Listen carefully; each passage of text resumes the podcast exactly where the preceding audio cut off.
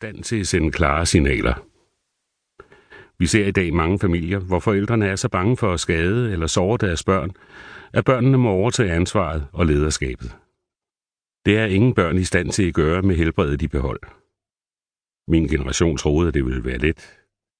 Vi troede, at alt ville være i sin fineste orden, hvis blot vi gjorde det stik modsat af, hvad vores forældre havde gjort. Men alt var ikke i sin fineste orden, og heller ikke de mænd og kvinder, som i dag bliver forældre, har gjort sig de store forestillinger om, hvordan man som familie kan leve sammen på en sådan måde, at alle kommer til deres ret. Man kan naturligvis bringe stærke værdier og normer med sig ind i en familie. Værdier og normer fra sin egen familie, eller fra sit miljø, sit land eller sin kultur. Men der findes endnu ikke en række fælles danske værdier. Det gør naturligvis familielivet sværere. Mange familier lever fra konflikt til konflikt, hvilket fører til, at der opstår et kæmpe behov for løsninger. Men der findes ingen generelle løsninger.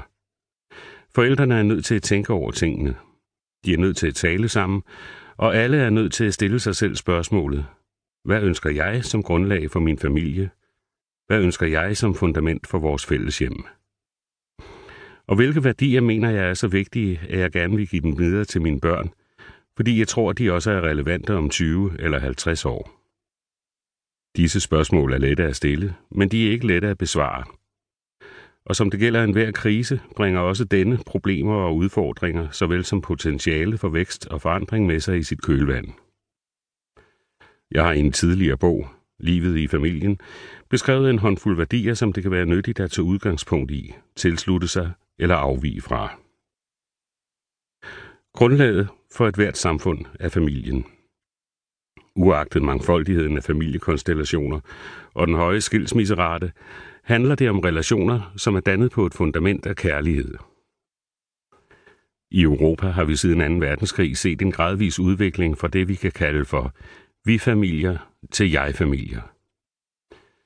Det er et af de forhold, som ofte får mennesker fra Mellemøsten og Asien til at mene, at familien ikke betyder noget for os. Familien er ikke længere det absolutte omdrejningspunkt for medlemmernes liv og tankesæt.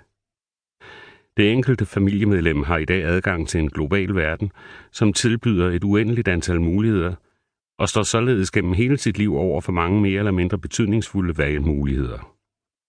Den enkeltes evne til at få mest muligt ud af disse valgmuligheder er i vidt omfang afhængig af individets selvfølelse og af værdier, som i løbet af individets udvikling måske bliver erstattet af andre eller holder ved.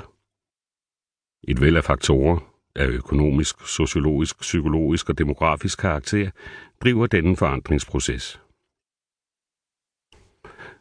I nogle lande kan man efterhånden se de første tegn på, at mennesker søger efter muligheder for at tilpasse jeg-familien sådan, at alle kan bidrage til og indgå på en ny måde i deres udvidede familie, det lokale fællesskab, indvandrergrupper eller andre sociale grupper. De økonomiske konjunkturer peger på det fornuftige i at bruge mere tid på plejen af vores ældre medborgere, og alle disse bestræbelser forudsætter, at vi tænker ud over begreber som dem, der giver, og dem, som tager. Det gælder om at søge nye veje og lade vores tanker og handlinger være inspireret af værdier og principper som menneskets værdighed, personlige grænser, autenticitet og empati.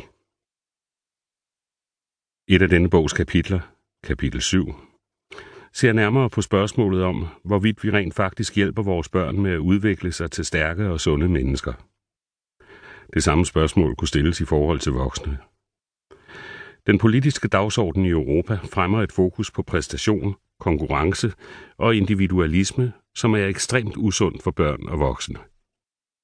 Hvis vi ikke automatisk skal tilpasse os disse sociale normer, kræver det klare værdier. Når grundlaget for samfundet ændrer sig, må også de gamle begreber efterses og i nogle tilfælde defineres på ny. Personlig autoritet, individuel ansvarlighed, kapitel 1, magtens paradoks, kapitel 8. Hvordan formulerer vi de normer, som skal lægge til grund for vores liv? Hvilke idéer skal vi leve efter? Kort sagt, hvem skal bestemme? Siden den traditionelle vestlige kernefamilie, som følge af den antiautoritære bevægelse og kvindernes kamp for ligestilling i 1970'erne begyndte at gå i opløsning, har begrebet forældres lederskab befundet sig i en form for identitetskrise. Tidligere var sagen